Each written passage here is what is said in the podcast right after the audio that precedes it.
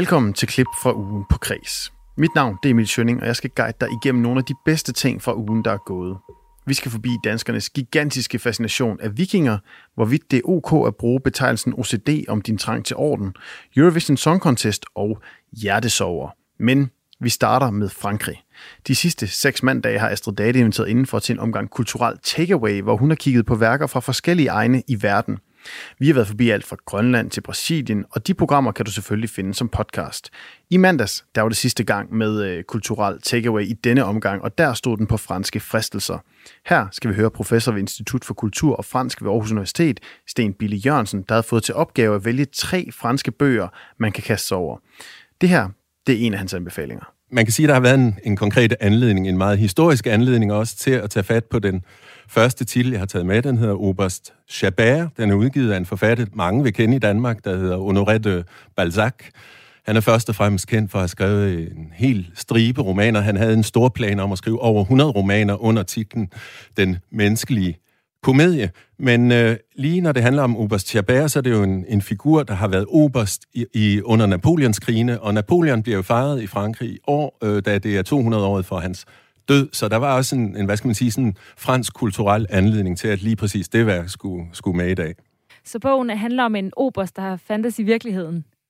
Øh, Altså, det kan godt være, der har været en model for ham. Det er jeg faktisk ikke helt klar over. Det, det er et interessant spørgsmål, men i hvert fald sættes der en historisk ramme, som er øh, som er dokumenteret, ikke? Og, og beskrivelsen af, af slag og den slags er noget, vi også kender. Der nævnes et slag ved Elo, som, som skulle have været særligt blodigt og, og drabeligt. Øh, jeg tror, det er 1807. Og vi er altså på den måde helt tilbage i starten af 1800-tallet. Og, og det spændende ved det her er jo også, at Honoré de Balzac er den, der på mange måder åbner for den type romanskrivning, vi, vi har taget med os lige siden faktisk. Altså den moderne roman, som vi på mange måder bruger som, eller mange forfattere bruger som skabelon stadigvæk den dag i dag. Hvordan det? Jamen, øh, på mange, altså det, det handler om begrebet realisme, ikke? Øh, det at man begynder at kigge på mange forskellige typer i, i samfundet. Balzac han satte sig for faktisk at være sekretær for det, for det franske samfund og, og for, forestille sig faktisk med den her menneskelige komedie og skulle lave en slags dokumenterende litterært værk omkring, hvordan de sociale forhold fungerer i et samfund. Og der præsenterede han faktisk en storslået abstrakt plan for, hvordan hele værket skulle udformes. Og så skrev han så faktisk også næsten omkring 100 romaner, der kom til at indgå i, i den struktur. Så, så det er på alle måder en, en fascinerende forfatter og et fascinerende værk, vi har med at gøre her. Med en stor sag på hjertet. Helt og, sikkert. Ja. Og den her øh, Oberst Chabert-roman, hvad, hvad handler den så om konkret, ud over en oberst, øh, som det lyder som om, i under Napoleonskrigen? Jamen, nu jeg skal anbefale den, så vil jeg først og fremmest sige, at det er en rigtig, rigtig god fortælling. Øh, og det er ikke en lang fortælling, det er en kort roman, kan man sige. Faktisk var den oprindeligt skrevet i tre afsnit som en slags følgetong, men blev udgivet i øh, 1832, øh, tror jeg det var, som samlet bog, og den handler så om et tema, der er fascinerende i sig selv, det at blive begravet levende. Øh, og det er jo i sig selv noget, noget horroragtigt næsten, og det bliver det også lidt på no, mange måder for, for hovedpersonen i romanen. Vi ser ham faktisk på et tidspunkt ligge og kæmpe sig op under bunker af lig øh, på slagmarken for at, at komme op til et liv i verden igen. Altså der taler om en slags genfødsel, efter han faktisk måske selv har oplevet at være død, kan man sige, på slagmarken. Men efterfølgende kommer hele romanen så også til at forme sig som øh, en fortælling om, hvordan øh, den her person måske kan finde tilbage til et, en plads i samfundet, eller måske ikke. Og det er sådan set hele øh, grundtematikken. Får den her mand sin plads i det franske samfund igen, eller eller er han også, kan man sige, død begravet sådan socialt set? Eller levende begravet hedder det her. Fordi de tror, han er død. Alle tror, han er død. Der går, kommer byltinger hjem fra krigene om, at han er faldet i krigen, og han er, han er blevet dekoreret som held og alt muligt. Og problemet er så, at hans kone har fundet en anden mand, fået børn med den mand, og øh, sidder så med hele hans formue, som hun meget behendigt, øh, kan man sige, øh, holder ved lige og, og, og skaber sig selv en position via den formue, hun har fået fra, fra den faldende oberst. Ikke? Men, men på et tidspunkt får hun så breve fra manden, og han, han viser sig så i, i Paris igen også. Men ingen vil tro, det faktisk er ham. Der er andre, tidligere har forsøgt at, at få, få, få øh, samfundet til at tro, at det var dem, der var den faldende oberst, så de kunne overtage hans plads, kan man sige. Så, så det er, på den måde kan det lyde lidt kompliceret, men det er egentlig faktisk en meget enkel problemstilling. Øh, hvordan finder jeg tilbage og finder min plads i samfundet igen? Er det sådan en underholdende roman, eller en alvorlig roman, hvis man kan sige det? Øh, jamen, den er super underholdende. Det er en super fortælling, men det er jo også en gribende fortælling, fordi det er noget, øh, vi netop alle sammen kan, kan sætte os ind i, hvor, hvor skrækkeligt det må være, at ens liv ligesom undslipper en. Og ikke nok med det, men du har simpelthen hele den historiske kontekst, der har forandret sig på en måde, så de værdier og, og den øh, måde, du har levet dit eget liv på, den faktisk ikke har nogen værdi længere. Der er så at sige ikke nogen som helst i samfundet, der ønsker sig at få den her oberst tilbage øh, til Paris, kan man sige. Så man, når de ligesom har accepteret, at han er død, så kan du ikke lige komme tilbage. Det, det kan de ikke rumme, at øh, hans venner og social og hans kone øh, det er ikke kun det psykologiske i det at rumme det. Det er noget med, at alle relationerne i samfundet har forandret sig. Vi er efter den franske revolution her. Vi har ikke længere et, et, et kongedømme, men vi har fået et slags øh, borgerskab, der baserer deres værdier langt mere på karriere og penge, end på, kan man sige, øh, det aristokratiske, de aristokratiske normer og værdier, som ære og, og position, som, som er nedarvet, kan man sige. Så alle har mulighed for, så at sige, at skabe sig en, en karriere i det her samfund, når blot de formår at placere sig på de rette steder for at kunne gøre karriere osv. Og, og det spøjs og pussy er også, at konen, Chabers kone, hun er en tidligere kurtisane eller prostitueret, der faktisk ligesom har formået ved list og ved snuhed at skabe sig en plads ved siden af af en anden mand, som også har fin øh, status og position i samfundet. Og det er det, det handler om. Det handler simpelthen om at skabe sig status og en plads øh, på de bonede gulve og, og skabe sig prestige i det her samfund til forskel fra det at have hæder og ære med sig, hvad jo er, kan man sige, øh, en, en oberst meritter efter krigen. Der kan man også høre, at den taler lidt mere ind i det, du startede med at sige, øh, forfatteren øh, Balzacs plan om at skrive 100 romaner som en menneskelig komedie, ikke som i... Øh, det lyder nærmest som et teaterstykke. Ja, jamen, det, er, det er meget Men... interessant, fordi lige på den her bog bruger netop det sceniske meget, og det, at folk spiller roller med hinanden, det bliver en væsentlig del af den her samfundsorden på det tidspunkt. Ja. Ja, men er det så en del af at, øh, at det, det store mål om at skildre det franske samfund og den klassekamp, der foregik i, øh, i de årtier. Altså, det er jo en af hans æstetiske strategier, mener jeg, at han, han øh, via sin, sin virtuositet i måden at beskrive dialogerne på, får han også til at leve os fuldstændig ind i, hvad det er for nogle nye forhold, der indgår individer imellem, men også hvordan forskellige øh, professioner, som, som advokaten, der er den centrale figur måske i den her fortælling faktisk. Fordi advokaten, han er den første, der lægger øre til, til kolonel Chabers, altså Oberst Chabers beretning, efter han vender tilbage fra krigen, og kan se en mulighed for faktisk at stikke en brev, altså få, få øh, angrebet ekskonen på en måde, så, så hun Øh, bliver bragt ud på, på gyngende grund, kan man sige. Så det handler meget om list og snuhed og strategier indbyrdes, som, som gør, at individerne øh, skaber sig deres egen position, kan man sige. Det var altså professor Sten Bille Jørgensens ene franske boganbefaling, du kan kaste over, når du er færdig med at høre det her og venter på næste etape af Tour de France. Vil du høre, hvad de sidste to var, og hvilke franske film og fransk musik, der blev anbefalet, kan du høre programmet fra i mandags. For gode tips til Grønland, Brasilien, Norge, Kina eller Rusland, ja, der ligger alle de her programmer selvfølgelig som podcast, hvor end du plejer at høre dem. Det her, det er klip fra ugen på Kreds på Radio 4. Mit navn det er Emil Schønning, og jeg har fået fornøjelsen af at vælge det bedste ud, som vært Astrid Date og redaktionen har kogt sammen i løbet af ugen, der er gået. Og du kender det godt. Du ligger der i sofaen. Øjnene er helt hævet. Du har ikke skiftet tøj i tre dage, og opvasken den står stadig ude i køkkenet, hvor den har stået de sidste par uger. En gang imellem, der afbryder du din ellers fuldstændig konstante stigen ind i væggen med at råbe direkte ned i puden. Gitte, hvorfor? I tirsdagens udgave Kreds, der var temaet kærestesover, og her talte vi blandt andet om, hvad der rent faktisk sker i kroppen, når man får knust sit hjerte, sammen med ergoterapeut og partner i Akademiet for Mindfulness og Livsbevidsthed, Flora Skovbo Melchiorsen kroppen kan jo sådan set ikke skælne hjertesorg for anden sorg. Og, og det, der ofte sker i sorg, det er jo, vi ved i dag fra den nyeste forskning at hjertet, det er meget mere end bare en pumpe, at vores følelsesliv også bor i hjertet, og vores sociale engageringssystem. Så når vi oplever for eksempel hjertesorg, så vil det føles som sådan en kæmpe ydre trussel, der får vores øh, indre system til faktisk at lukke ned, sådan så vi går lidt i sådan en, en dvaletilstand og, og, og lægger os nærmest død, ligesom vi kender det for dyrene på savannen. Og det er egentlig en overlevelsesstrategi, der bor i vores beroligende nervesystem, det der hedder vagusnerven. Så, så det er på en eller anden måde en, en beskyttelse af os selv, at vi lægger os død og, og går ind i os selv.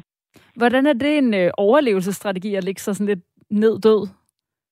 Ja, man kan sige, det er jo fordi, at, at, at vores system er indrettet på, at vi bliver truet af noget udefra.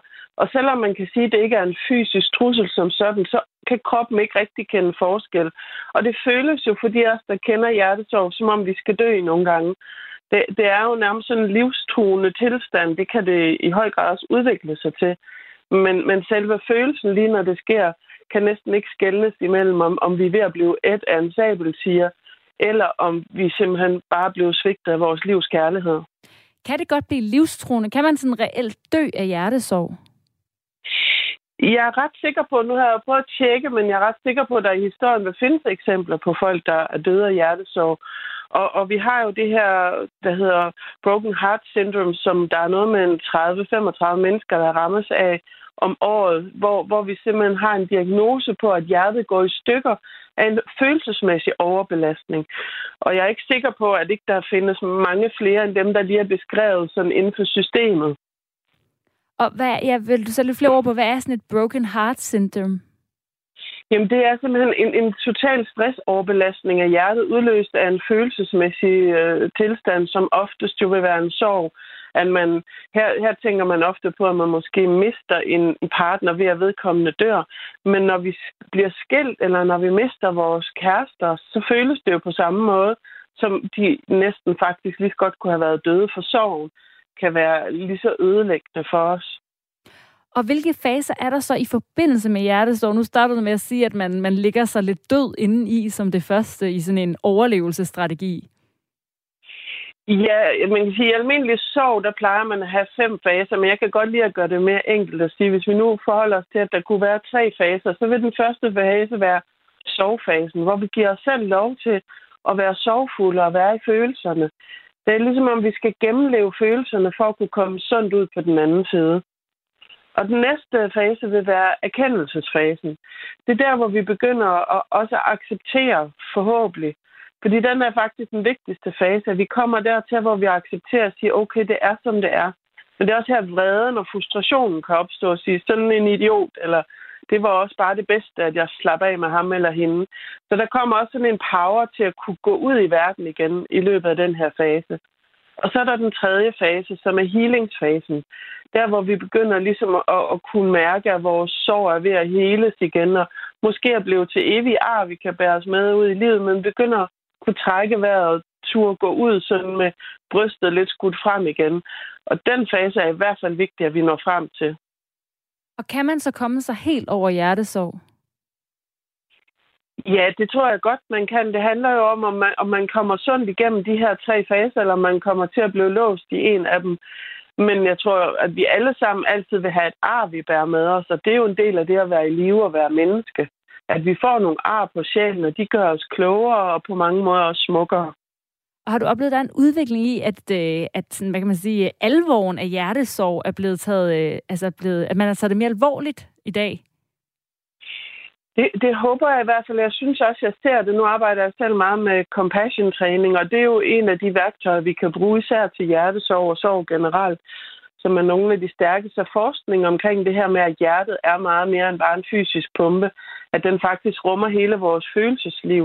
Og mange taler om, at hjertet har sin egen hjerne, der mærker og føler ting, før hjernen faktisk bliver aktiveret. Og den forskning vinder mere og mere indpas. Måske ikke så meget i Danmark endnu, men i udlandet er det faktisk rigtig meget anerkendt at tale om de her ting og anerkende, at, at ja, vi kan faktisk blive syge af hjertesorg. Og måske endda dø af det. Og øh, jeg ved, du også har nogle øh, gode råd, du øh, vil give os her i dag til at komme videre fra en hjertesorg, øh, som vi lige kan se på her til sidst. Hvad er, hvad er dit første gode råd? Mit første gode råd vil være det, vi altid ser på film, nemlig læg dig og, og vær i følelsen. Spis det, du har lyst til, og ofte vil det være søde sager, fordi det relaterer sig ind i mors modermælk og den dybe omsorg. Så, så vær i følelserne, græd alt det, du skal græde. Og mit næste råd ville så være at sige, og så tal med nogen om det. Men vær også klar på at sige, jeg har ikke brug for at blive fikset. Jeg har ikke brug for gode råd. For ofte så vil folk begynde at fortælle, at jeg var også der, og så skal du bare høre, så gjorde jeg. Men vi har bare brug for at blive lyttet til. Og det sidste vigtige råd, jeg vil give, det var at sige, og så brug kroppen. Modtag massage, gå ud og gå en tur. En af de store traumeforskere, han siger, berøring, bevægelse og åndedræt er de tre ting, der sådan ligesom kan bringe os videre, når vi er låst i sådan en voldsom traume, som hjertesorg jo faktisk kan være. Så græd og accept og øh, snak med dine venner og brug kroppen. Ja, eller snak med en professionel, hvis det er rigtig slemt. Det er der ikke nogen skam i.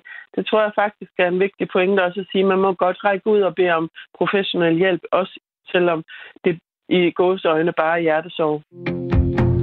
Sådan lød det altså fra Flora Skovbro Melkjersen, ergoterapeut og partner i Akademiet for Mindfulness og Livsbevidsthed. Det her, det er et klip fra ugen på Kreds, lige her på Radio 4. Mit navn det er Emil Schønning, og jeg er mellemlægspapiret mellem de her højdepunkter fra Kreds.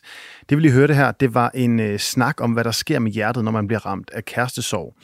En ny bog, der hedder 112 for knuste hjerter, forsøger også at komme med gode råd til, hvad man kan gøre for at komme videre i livet.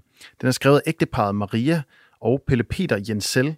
Maria Jensel, hun var øh, med i programmet i tirsdags og snakkede med vært Astrid Date om arbejdet med bogen, og ikke mindst sin egen oplevelse af kærestesorg. Altså for mig var det, var det ligesom historien om, at jeg øh, som 27-årig troede, at øh, jeg skulle være mor, øh, fordi min mor fik mig, da hun var 27, og i stedet for, så blev jeg pludselig single øh, som 27-årig. Og, og det er jo ikke bare min, min ekskæreste, jeg mistede der, hvilket jo i sig selv er hårdt nok, men, men det er jo et helt liv for det meste, når man går fra hinanden. Så er der fælles venner, og der er et sted, man bor, og øhm, der er steder, man kommer, der er drømme, man deler. Øh, så på den måde, så, så var den her kæreste så rigtig meget en livskrise.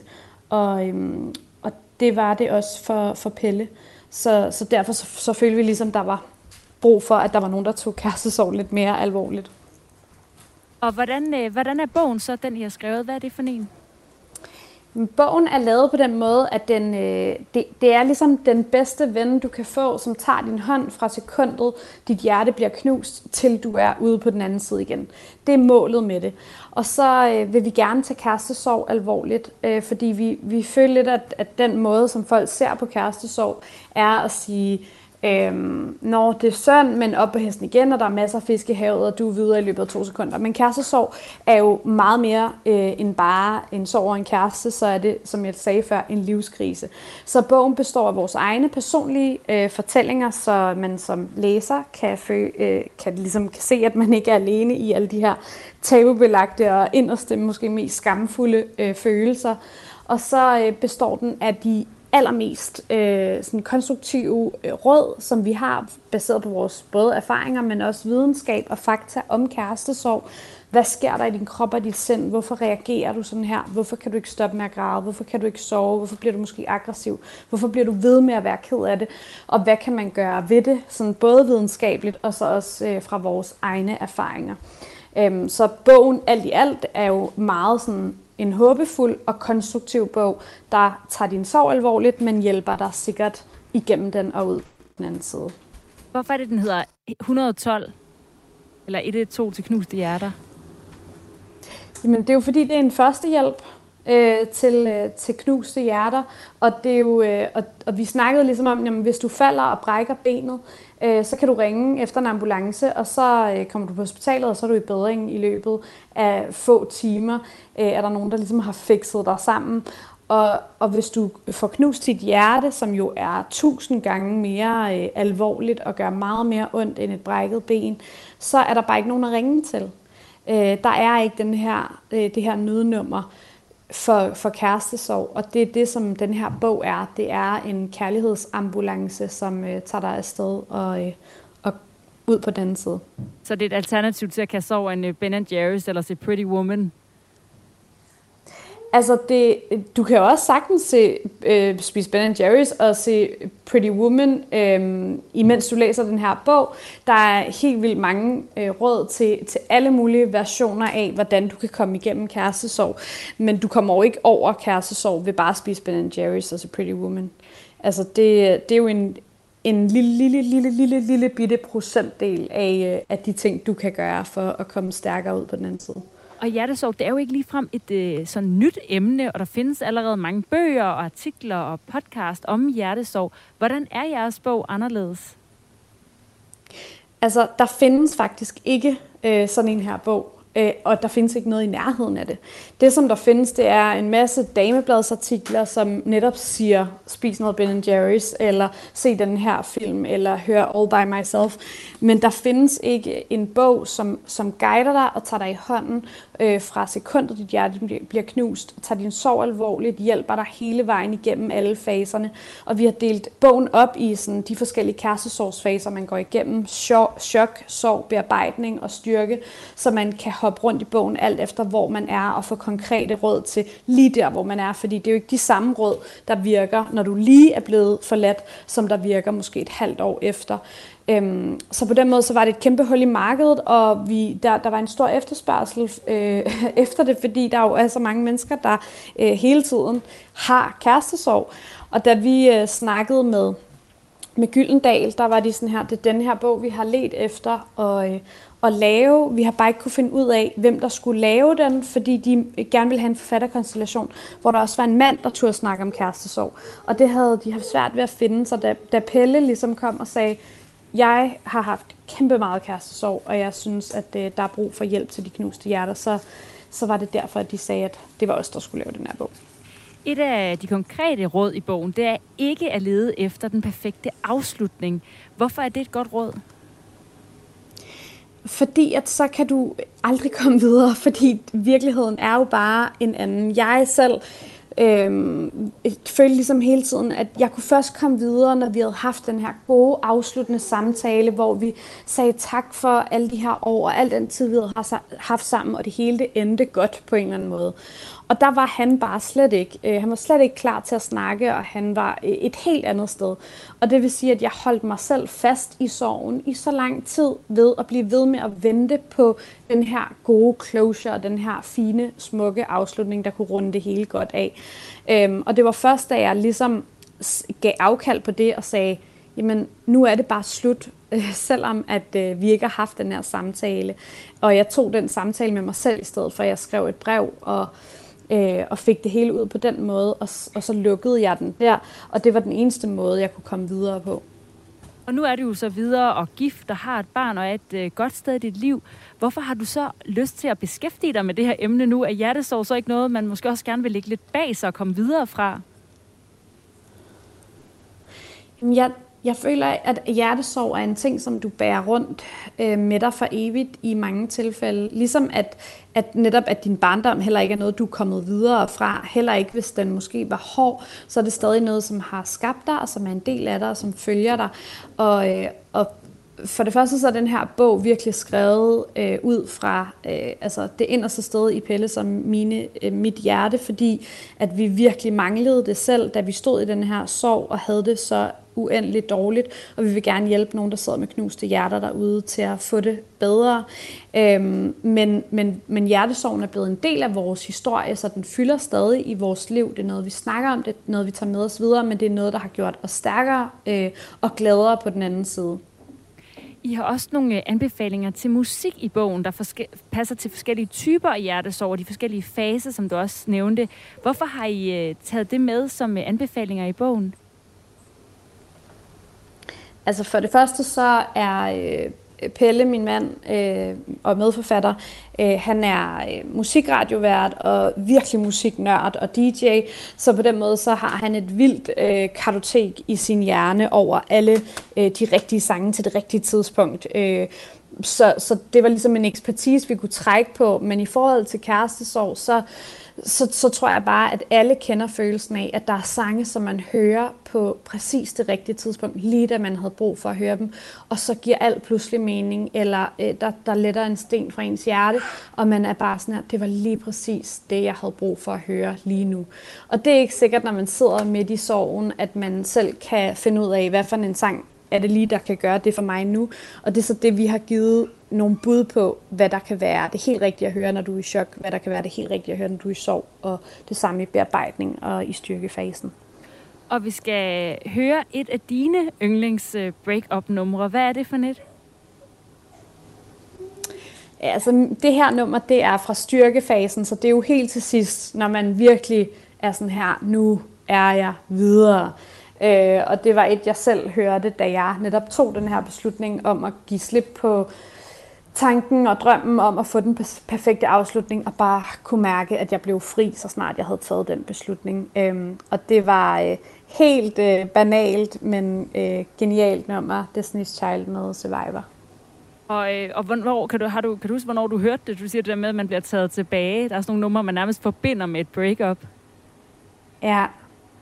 Jamen, jeg stod på toppen af et bjerg hvor, i Grækenland, hvor jeg boede i, øh, i mit sommerhus, og jeg var blevet der i så lang tid, fordi at min ekskæreste var der, og jeg håbede på at få den her samtale.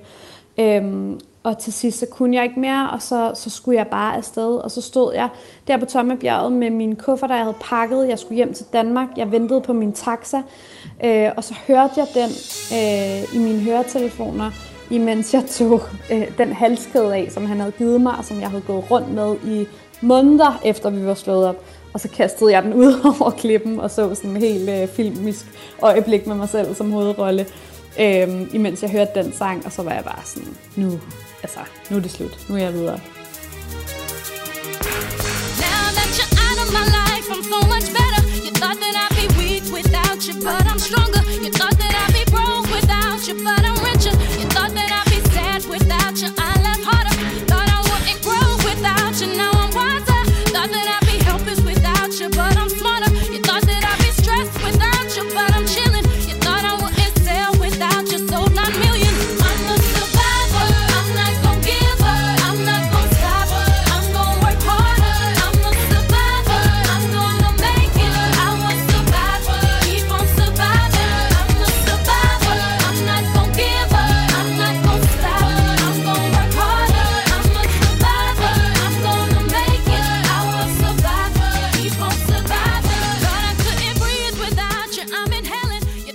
Sådan lød temasangen til Marie Jensels powerfase efter hendes breakup. Altså, det her det var Destiny's Child med Survivor.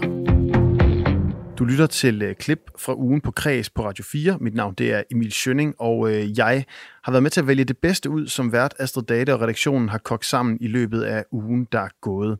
Du kan selvfølgelig finde alle programmer i deres fulde længde, hvor du plejer at høre din podcast. Nu lægger vi hjertesårene på hylden og hopper til noget helt, helt andet. Elsker du vikinger? Hvis svaret er ja, så er du ikke alene. Vi danskere elsker vores stærke forfædre. I onsdags der var forsker og vikingekspert Sofie Bønning fra Aarhus Universitet med forbi til en øh, snak om, hvorfor vi er så fascineret af vikinger, at selv den danske landsholdsspiller Martin Brathwaite sagde det her til DR efter sejren over Wales ved EM i fodbold. Lige meget hvor vi tager ind som Danmark, vi er, vi er jo vikinger, så lige meget hvilket land hvor vi tager ind, så er vi der for at overtage. Vi er der ikke bare for, for at kigge på, så i dag erobrer vi Amsterdam, og nu skal vi erobre Baku. Men lykke med det. Ja, tak. Hvordan taler det her klip ind i vores generelle billede af vikingerne i dag? Jamen, det her er jo et, et virkelig godt eksempel på, at øh, vikinger og vikingetid udstikker sådan en fælles forståelsesramme, som vi danskere bare sådan intuitivt er helt med på. Altså, øh, vikingerne bliver brugt i det her eksempel som, som sådan et udtryk for, at, øh, at landsholdet bare øh, vil fremad og bare vil erobre det hele. Og vi forstår jo godt, at det ikke er fordi, de vil ud og, og stjæle og plyndre og, og voldtage, men det her det handler om øh, national storhed og stolthed. Ja, og netop det danske landshold. Men vikingerne havde så ikke selv en opfattelse af at være danske, fordi dengang der var Danmark ikke et øh, samlet land. Men øh, for at forstå forestillingen om vikingetiden, så skal vi jo faktisk rejse tilbage til 1800-tallet. Hvad er det, der sker her? Jamen, det er helt rigtigt. Det er sådan, at øh, i 1800-tallet, altså i romantikken, der blev vikingerne øh, nationalt øh, fortællegods. Øh, og det skyldes øh, simpelthen, at, øh, at, at det var i 1800-tallet, at den danske nation blev til. Altså 1800-tallet var nationsdannelsestiden. Og det er på det her tidspunkt, at der øh, opstår, at man danner forestillinger om øh, vikingetiden. Det er her, at, at øh, vikingetiden som betegnelse for den her periode bliver dannet, og hvor man får en forståelse af, at vikinger, øh, som er øh, danskernes forfædre, øh, de var de her øh, store krigere, som øh, vi kan være rigtig stolte af. Og, så hvordan var fortællingen i 1800-tallet om øh, vikingetiden? Øh, det var, at, øh, at vikingerne de var øh, nogle stærke krigere, som tog på togter, de erobrede, og de sejrede i hele verden. Øh, men også, at, øh, at nordboerne, de, øh, altså at, at der i Norden fandtes øh, frie bønder, som sådan havde været frie fra øh, Arils tid, altså virkelig lang tid tilbage. Og det kunne man så bruge i, i den her nye nationale fortælling, hvor øh, der i højere grad blev, øh, altså hvor, hvor bønder i højere, eller hvad hedder det, hvor befolkningen i højere grad blev inddraget i befolknings, eller hvad hedder det, i beslutningsprocesser. Det er måske også i 1800-tallet, at det her med hornene opstod. Det sagde jeg jo indledende i programmet, at øh, vi afbilleder vikingehjelme med horn på, og det har der faktisk ikke været. Men det er ligesom historien. Ja, det stammer faktisk fra Wagners opera, øh, så det er fra 1800-tallet. Og hvordan er det så det reelle liv i vikingetiden? Hvad er sådan, øh, hvor er kontrasterne i forhold til vores historie om de her stærke krigere med horn på hjelmen, og så hvad der reelt øh, kendetegner vikingetiden? Jamen altså, der var jo selvfølgelig stærke krigere, som drog øh, ud på togt og plyndrede. Øh, men der var også folk, som øh, bosatte sig uden for Skandinavien og opdyrkede landet. Og i høj grad så var der rigtig mange øh, mennesker i vikingetiden, som øh, bare var bønder øh, og opdyrkede deres land øh, hjemme. Øh, Øh, og så den her forestilling, som blev dannet i 1800-tallet om den oprindelige bondefrihed, og om, at der var sådan et protodemokrati i Norden på det tidspunkt, holder jo ikke helt stik. Altså, der var ikke det samme sådan hierarkiske feudalsamfund, som man var ved at gøre op med i 1800-tallet, men, men så meget frihed var der heller ikke. Så det er i 1800-tallet, at den her historie om vikingetiden begynder at blive en vigtig del af vores national identitet og historie om os selv. Hvorfor er vi så, så optaget af vikinger i dag? Jamen, øh, jamen, som du siger, så findes vikinge, øh, vikinger jo i alle afkroge af dansk øh, kulturliv, øh, kulturbilledet øh, generelt, og, og det skyldes, at, at øh, vikingetiden har status af en national stolthedstid øh, selv i dag, og at øh, det er en central billede af dan, en, en central del af danskernes selvbillede og, og deres kollektive identitet. Øhm, så der findes det her fortælle- og forestillingsunivers fuld af vikinger, stærke krigere, men også nordiske guder, som bare er ekstremt dragende og fascinerende øh, at leve sig ind i. Man kan sige, som du også sagde, de er jo kendte for, øh, nu forbinder vi det med landsholdet, men det er jo noget, vi forbinder, det er jo øh, pløndringer og togter og mor og voldtægter. Altså, i virkeligheden er det jo nogle lidt sære værdier at hylde. Helt klart, og det er så heller ikke de værdier, som sådan bliver hyldet. Øh, det er mere det, at de var nogle stærke, modige øh, mennesker, som, øh, som man kan spejle sig i. Altså, der er, under det ligger der sådan en forestilling om, at... Øh, at danskerne deler kulturelt DNA med vikingerne, fordi at de er vores øh, kulturelle forfædre. Øh, så det er mere den her, øh, at det, at de gør, at vi kan se os selv som modige og øh, øh, store og, øh, og stærke. Og hvor meget viking kan man så sige, der er tilbage i os i dag fra, øh, fra den gang? Altså, det er jo... Øh, altså, man kan sige, at øh, der er jo altså rent kulturelt... Øh, kan, giver det jo mening. Og øh, altså, så, så længe at man opfatter sig selv som vikinger og har det billede at spejle sig i, jamen så, øh, så er det jo noget, som er ekstremt virkningsfuldt i øh, populærkulturen, og så har det jo en funktion. Og der har vi taget de gode ting, som at være et stærkt folk og sådan noget, og ikke så meget det med plyndringerne. Ja, lige præcis. Der er et generelt, ja, som du siger, stort fokus på vikinger i populærkulturen, øh, som du nævnte, øh, også øh, både herhjemme, men også i udlandet med Vikings, og der er en podcast af vikinger af Jeanette Warberg, videospil og film. Er der også nu et populærkulturelt boom i interessen af vikingetid? Altså kan man sige, at der har været en udvikling, hvor vikinger kommer til at betyde mere for os i populærkulturen? Altså, jeg synes klart, at, øh, at der er et form for boom, men det tror jeg også bare skyldes, at øh, der kommer flere og flere streamingtjenester, og podcasts øh, bliver spyttet ud her. Øh, og der, altså der, øh, så det betyder, at der er et meget større øh, udbud, et meget større mulighedsrum for at skabe de her øh, nye øh, øh, hvad hedder det, udtryk, eller kulturelle udtryk, hvor man bruger vikinger. Så, så ja, der er et form for boom, kunne man godt sige. Og i dag har vi jo set på en del af det boom øh, på øh, Nationalmuseet, der har udstillingen Togtet, som netop handler om vikinger. Og den er så delt op i en udstilling øh, med altså, klassisk udstilling, og så har de en fiktionsfilm. Men hvad tænker du, er det en god idé, at et museum også skaber fiktion til museumsgæsterne på baggrund af historien? Ja, det synes jeg faktisk er en rigtig effektiv formidlingsstrategi. Altså især når man øh, samtidig viser de her genstande. Det er jo sådan, at genstanden siger jo ikke noget i sig selv. Altså det er jo en utopi, at genstanden taler for sig selv. Man er altså nødt til at indsætte dem i en fortolkningsramme. Og, øh, og, og der er øh, fiktion et, et øh, rigtig godt øh, virkemiddel, og, og, og man skal også huske på, at, at fiktion er jo noget andet end løgn. Altså det der med at skælne så skarpt imellem fakta og fiktion, som der nogle, nogle gange bliver gjort, øh, holder ikke helt vand. Altså øh, det er et, et, et meget øh, effektivt middel, når man skal formidle en, øh, et stykke kulturhistorie. Nu er du selv forsker, ikke? Er det ikke en lidt farlig vej at gå, det her med fiktion? Kunne man ikke forestille sig, at, øh, at vi ender et sted, hvor at, øh, at en eller anden øh, mønt, eller en hjelm, eller en historie fra vikingetiden er blevet fortolket så mange steder, at man lige pludselig mister, øh, hvad kan man sige, den reelle, sådan kedelige, måske objektive sandhed om, hvordan historien var? Altså, autenticitet er selvfølgelig et nøglebegreb, og øh, det er klart, at, øh, at de her øh, fiktionsfortællinger skal fremsættes på en videnskabelig sober måde. Øhm, men, øh, men for at give et realistisk billede af, hvordan vikingetiden har været, øh, så fordi vi har så relativt et spinkelt kildemateriale af genstande, som jo ikke siger noget selv, så er man jo nødt til at bruge sin fantasi og, og bruge fiktionens øh, som sådan en, en, en måde at forestille sig, hvordan det kunne have været på. Så, øh, så, så den er egentlig ret, ret gangbar, så længe at det er på et, et videnskabeligt øh, øh, supert grundlag. Og nu hvor du ikke er så bange for fiktionsmidlet, ser du så også selv Vikings? Det gør jeg.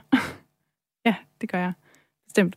Du, altså, trods alt, øh, som phd viking, så kan du ikke, øh, altså, man kan ikke få nok. Er det det? Altså, det er jo et... Øh, jeg synes, det er rigtig interessant at se de her øh, vikingefiktionsuniverser. Og man skal selvfølgelig huske på, at det er fiktion. Men det er også ret interessant, når man sidder og, og ser den her tv-serie, at man sådan kan genkende, hvor de har taget de forskellige elementer fra i det her kildemateriale, som, som eksisterer fra vikingetider og middelalder. Og det er jo en udlandsk serie, den her. Er der en forskel, sådan en markant forskel i måden, vi, øh, vi opfatter vikingetiden, og hvordan udlandet ser på os? Er det lidt mere romantisk derudefra? Jeg tror egentlig, at det både i udlandet og her i, i Danmark er sådan ret romantisk. Altså i, i den forstand, at, at, og når jeg siger romantisk, så, er det, så mener jeg, at, at vi bruger den her fortæller, fortælling som et, et, et øh, materiale, som vi identificerer os med. Og det er selvfølgelig klart, at i Danmark, der, der identificerer mange sig med vikinger på en anden måde, end man gør i, i udlandet. Ja, hvad der så trækker der? Fordi vi kan sige, uh, vi kommer fra et stort og stærkt folk, men hvad er det i udlandet, der trækker i vikinger? Hvorfor er det interessant for dem? Det tror jeg simpelthen er, øh, fordi at øh, vikingefiktionsuniverset er ekstremt fascinerende og dragende. Sådan lød det altså, da Astrid Date havde besøg i studiet af Sofie Bønning fra Aarhus Universitet. Hun er vikingeekspert, og det var i onsdagens program, hvor temaet var vikinger. Vil du høre det fulde program, jamen så ligger det selvfølgelig som podcast. Tone Utilie, hun er filminstruktør, lige blevet færdig på filmskolen og aktuel med sin afgangsfilm Katastrofer, der handler om gymnasieeleven Liv, der skal forsøge at balancere gymnasiestarten med svær OCD. Tone Utilie lider selv af OCD, og hun vil gerne have, at folk stopper med at bruge ordet i flæng, Onsdag der var hun med til en snak om, hvorfor det er et no-go. Hvis jeg nu siger, at jeg har sådan lidt øh, et OCD-agtigt forhold til min bogreol, fordi jeg gerne vil have, at de står helt lige alle sammen, er det så i orden? Altså, det synes jeg faktisk ikke. Jeg synes, at det trivialiserer en virkelig alvorlig sygdom, og at det spreder misinformation øh, og sådan en helt forkert billede af, hvad OCD er. Og så er det også bare sådan lidt, lidt smådumt. Altså, man bruger jo ikke en sygdom som adjektiv på den måde. Man kan ikke bare være lidt OCD, og alle har ikke bare en OCD, der kan blive, der kan blive sådan trigget. Hvilket er heldigt for alle, fordi det er virkelig nederen af OCD. Hvorfor synes du det? Altså, Hvorfor, at, synes... at, at det er dårligt at bruge øh, et OCD-agtigt øh, ord i forhold til en bogreol, for eksempel? Jamen, det er jo bare forkert. Altså, øhm, og at det, det trivialiserer noget, der er, øh, der er virkelig alvorligt, og virkelig sådan ødelægger folks liv, og jeg tror, som en person, der har diagnosen OCD og har kæmpet virkelig meget med det, så når folk siger det som sådan en quirky, sjov lille ting, øhm, og det er noget, man selv har brugt overvis på at kæmpe med, og som har virkelig fucket med ens liv, så tror jeg, at det er, sådan, det er provokerende, og at det bare det spreder misinformation som en syg, om en sygdom, som virkelig få mennesker ved, hvad egentlig er. Tror du, at folk gør det for at være provokerende? Nej, det tror jeg ikke. Jeg tror bare, at det handler om altså, den måde, vores, vores sprog nogle gange, at man ikke altid er vildt reflekteret om, hvordan man bruger det. Altså, jeg prøver for eksempel selv at øve mig i ikke at sige, uh, jeg føler mig stresset i dag, hvis det ikke er, fordi jeg faktisk har stress i den periode. Øh, hvis jeg bare føler mig lidt travl, eller hvis jeg har en dårlig dag, så prøver jeg at lade være med at sige, at jeg er bare så deprimeret. øh, fordi det på en eller anden måde udvander de her ret alvorlige sygdomme, eller meget alvorlige sygdomme. Kan det ikke også være med til at skabe et sprog omkring øh, nogle alvorlige sygdomme, og man tager lidt af tabuet væk ved, at folk rent faktisk bruger ordet har en bevidsthed om, at det findes, og det på den måde mm. kan være nemmere at tale om, hvis man for eksempel har OCD? Nej, fordi det er, jo, det er jo forkert, den måde folk bruger det på. Altså, det, det har ikke særlig meget, det, når folk siger, at det trigger min OCD, eller Khloe Kardashian bruger hashtag CloCD til, hvordan hun sorterer sine ting, så, så den type OCD, de snakker om der, det er ikke OCD, det er bare et udtryk for deres ordenssans. Øhm, og der er jo mange mennesker, der har ordenssans i større eller mindre grad. Øhm, men det har ikke noget at gøre med, hvordan OCD rent faktisk er. Altså, der, der er få mennesker, der ved, at for eksempel øhm, en af de mest almindelige former for OCD, det er folk, der er bange for, at, at de måske kunne være pædofile, eller folk, der har tvangstanker om, at de kunne gøre ondt på andre mennesker, eller sådan... Det, det er ret få mennesker, der har OCD, hvor det faktisk handler bare om symmetri og orden. Og hvis det gør, så er det tit på en måde, hvor det er fuldstændig styrende for deres liv. Det er det eneste, de kan tænke på i timevis om dagen, skal de bruge på det, og måske tror de, at nogen vil dø, hvis alt ikke er fuldstændig symmetrisk, eller sådan. Det, men når folk bruger det på sådan en, ah, det er rart for mig, når mine billeder hænger lige. Altså det er simpelthen, det har ikke noget med OCD at gøre, så det, det nedbryder jo ikke et tabu, når det, når det ikke fortæller om den ting, der rent faktisk er tabuiseret. Og hvordan er du selv påvirket af OCD? Altså for mig, så, øhm, så handlede det, altså nu har jeg heldigvis fået det rigtig meget bedre med det, så det påvirker mig ikke vildt meget. Jeg har stadig nogle enkelte ting, jeg synes er svært, men, øhm, men dengang, hvor det var rigtig slemt for mig, der handlede det rigtig meget omkring sådan, at jeg var bange for, at ting var giftige, øh, så jeg kunne ligesom se alting som giftigt. Øh, så jeg havde rigtig svært ved at lave, altså jeg kunne stort set ikke lave mad, øh, rigtig svært ved sådan at spise og drikke vand, og rigtig mange steder, jeg ikke turde opholde mig, og ting, jeg ikke turde gøre, fordi jeg hele tiden var bange for at blive forgiftet. At det var simpelthen sådan en, en, styrende, en styrende tanke for mig i alt, hvad jeg gjorde. Ja, og det var du... virkelig nederen. Ja, det, det lyder nederen. Og ja. noget helt andet end øh, og øh, hvad det, havde intet med, altså, det er også sjovt, fordi jeg havde jo faktisk en af de mere sådan, klassiske former for OCD øh, i hvad folk tror, altså på den måde, at jeg var bange for bakterier og sådan noget, men folk tror for eksempel, at det ville betyde, at min lejlighed på det tidspunkt var helt clean, men det var den slet ikke, fordi altså for eksempel synes jeg, det var rigtig, rigtig svært og ubehageligt at bare skulle røre ved en karklud, og der var rigtig mange ting, jeg ikke engang turde røre ved, hvis de ligesom var ulækre eller beskidte, så der var faktisk ret ulækkert i den periode. Øhm, hvilket er sådan en klassisk fordom, folk har om, om folk med OCD, at de er meget sådan rene og ordentlige, hvor de fleste har det jo bare vildt dårligt. Og, øh, har det meget, altså måske bor meget kaotisk i virkeligheden på grund af det. Så det, at vi joker med det, er i virkeligheden med til at skabe et misvisende billede af, hvad det vil sige at have OCD reelt. Ja, præcis. præcis. Altså, det er trivialiserende, og det er misinformerende, og det er, det er provokerende med en sygdom, som der er så lidt information omkring. Altså, der er simpelthen så få mennesker, der ved sådan nogle, altså, hvordan det, hvordan det rent faktisk føles, og hvad det rent faktisk går ud på for de fleste. Og nu har du lavet filmen, øh, afgangsfilmen fra filmskolen øh, Katastrofer, ja. der handler om øh, gymnasieeleven Liv, som også berører OCD. Kan du lige for kort mm-hmm. forklare, hvad den handler om? Meget gerne. Øh, den handler om Liv på 16 år, som skal starte i gymnasiet, øh, og som har virkelig svær OCD. Men øh, hun vil bare ligesom gerne være normal og gå under radaren, og det ser ud til, at måske lykkes for hende, øh, men så møder hun den her anden, anden pige, øh, eller pige, eller der er lidt sådan hun er lidt i tvivl selv om sit køn, øh, men som hun bliver mega forelsket i, og så bliver det bare rigtig svært at, at skjule, hvem hun egentlig er. I forhold til sin OCD? Ja, fordi der er alle mulige ting, hun ikke tør, for eksempel at kysse, og, og hun, hun, hun skammer sig, og tror, at det på en måde er hendes egen skyld, og at, at hun aldrig nogensinde kommer til at ture og sige det til nogen andre end måske sin far. Hvordan var det at skulle lave en film, der også på en eller anden måde er lidt øh, personlig for dig? Jamen altså, det, jeg har, jeg har tit sådan personlige elementer med i min film, eller de er baseret på en arena eller noget, jeg selv kender. Så det var ikke helt nyt, men det var, det var interessant for mig at lave en film om noget, der var så for mig skamfuldt, og som det ikke er noget, jeg overhovedet havde sagt til alle, eller altså nogensinde gået ud med og sagt, hey, jeg har faktisk også kæmpet med det her virkelig meget, men alle mine, alle mine tætte venner og sådan, ved jo, hvor meget det har, og min familie ved, hvor meget det har fyldt. Øhm, og i starten, da jeg lavede filmen, der oplevede jeg, at det var ret sådan ret vild og ret grænseoverskridende, hver gang jeg skulle sige til nogen øh, i forbindelse med filmen, at det faktisk er noget, jeg har personlige øh, erfaringer med, men nu er det sådan, til sidst blev det bare sådan helt vildt simpelt og nemt, fordi jeg tror på en måde, det aftabuiserede lidt for mig. Men det var også bare spændende at få lov at lukke folk ind i, i sådan, altså helt filmisk ind i, hvordan det føltes. Ja, og nu, altså, nu, nu siger jeg det i radioen, ikke? Altså, at jeg har OCD, det er jo en ting, jeg plejede.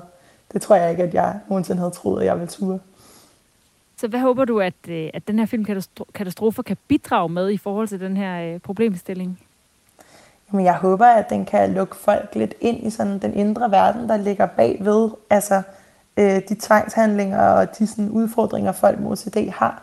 Altså, at, at folk kan forstå, at det er ikke bare sådan, at jeg bare skal gøre det her. Det er mange mennesker med OCD, der, der er det som om, de har deres eget værste mareridt spillende ind i deres hoved non-stop øh, i deres vågne timer, og tit også, når de sover. Altså, og det er derfor, at de måske er nødt til at gøre nogle, nogle tvangshandlinger, der virker irrationelt, eller undgå noget, øh, som virker irrationelt.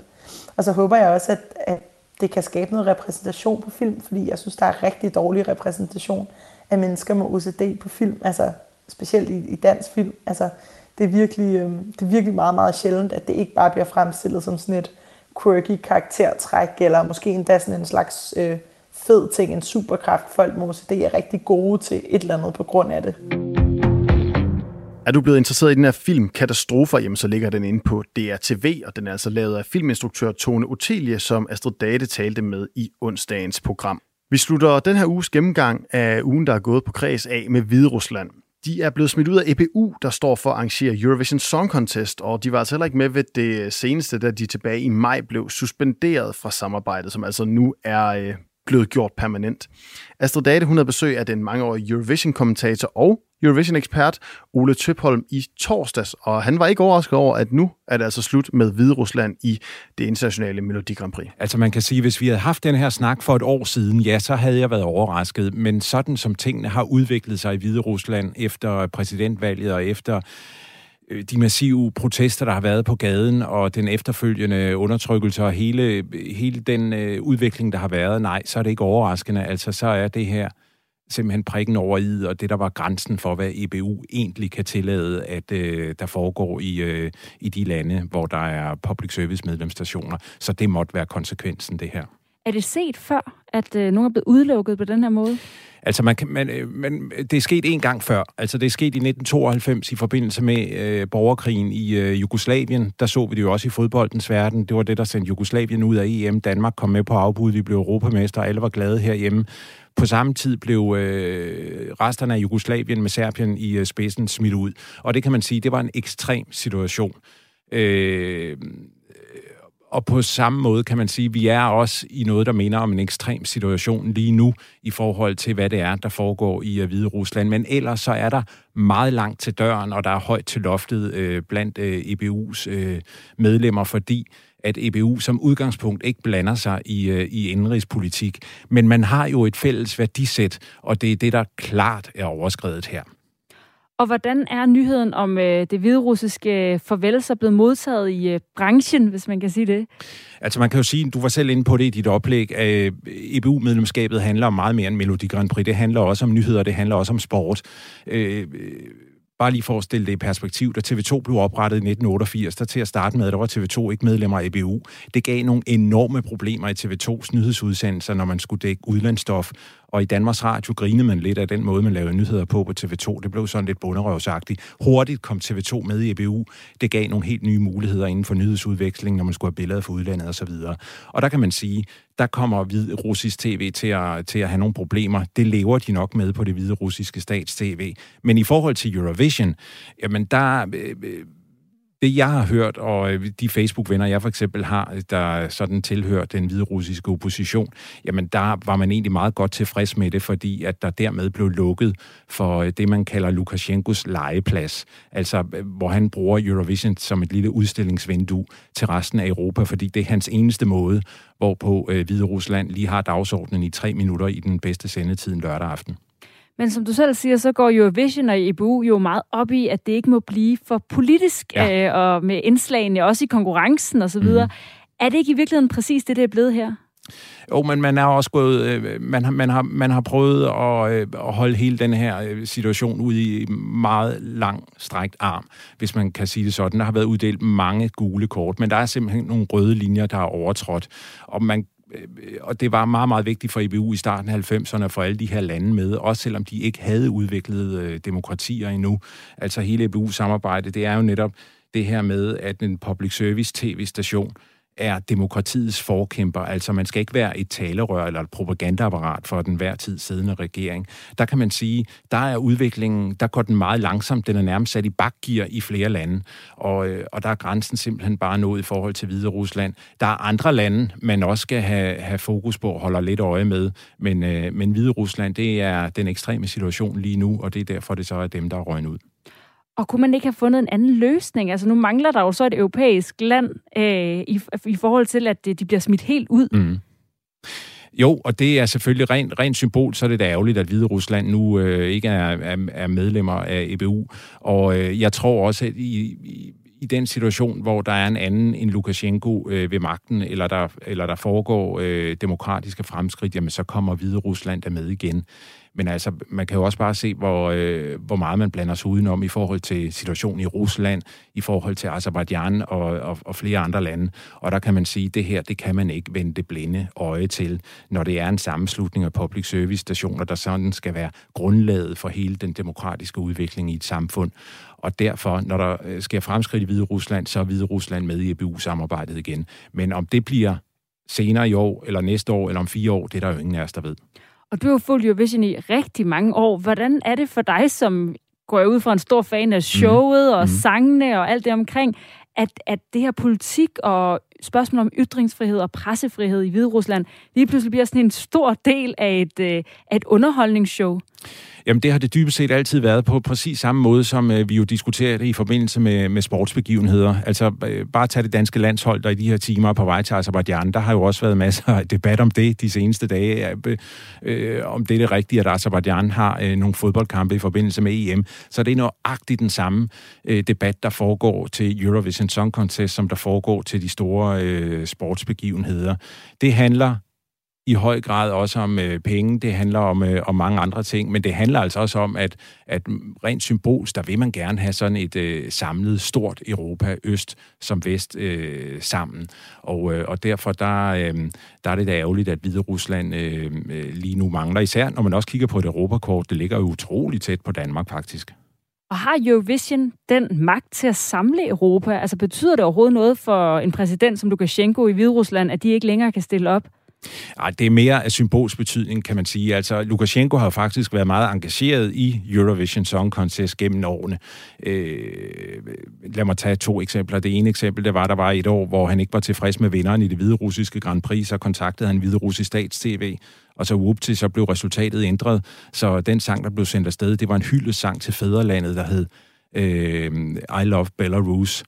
Og øh, det år, hvor Danmark vandt med Emily Forrest i 2013, der indgav øh, Lukashenko en klage til EBU over afstemningsresultatet. Han mente, det hele var fup. Øh, dels på grund af, at øh, der manglede åbenbart point til Hvide Rusland fra, øh, fra øh, moder... Øh, hovedlandet, havde han sagt, Rusland, og, øh, og så er de i Østeuropa også lidt sure over, at det går så godt for de nordiske lande. Så derover der kender man jo begrebet til den nordiske mafia. Så, så, så rent symbol tror jeg, det betyder noget for ham, at de ikke er med i, øh, i Eurovision, men øh, landet som helhed overlever nok. Kunne der ikke være noget øh, potentiale i at hive øh, et øh, hvide-russisk eksilband ind, ligesom man gør med OL med syriske atleter, der så får lov at stille op under et neutralt flag? Ej, så tror jeg netop, at det hele bliver for politisk, fordi selvom man går ind for, at medlems-tv-stationerne, de jo netop skal stå for de her demokratiske værdisæt, som skal udvikle sig i positiv retning, altså så, så bliver det for politisk. På samme måde som da Ukraine var værtsnation første gang, der havde de en idé om, da det hele skulle foregå i Kiev, at i øh, pausen, altså mellem sidste sang havde været på, og så pointafgivningen skulle, øh, skulle finde sted, at der skulle præsidenten holde en tale. Der gik EBU også ind og sagde, ah, ah, den går ikke, det her det er et upolitisk show, altså I må finde på noget musik, dans, whatever. I må øh, faktisk være meget, meget kreative, men en politisk tale, det hører ingen steder hjemme, og på den måde, så tænker jeg også, det vil blive for politisk, hvis man, øh, hvis man gør det på den måde. Sådan lød det altså fra Eurovision-ekspert og kommentator Ole Tøpholm. Du har lyttet til ugen, der gik på Kreds lige her på Radio 4, og husk, at du kan finde alle udgaver af Kreds som podcast på din foretrukne platform. Og ellers så er Astrid Date tilbage igen alle hverdage næste uge fra 14 til 15 med meget mere Kreds. I næste uge, der tager hun hul på vores sommertema, som handler om unge talenter i den danske kulturbranche. Mit navn, det er Emil Schønning. Tak fordi du lyttede med.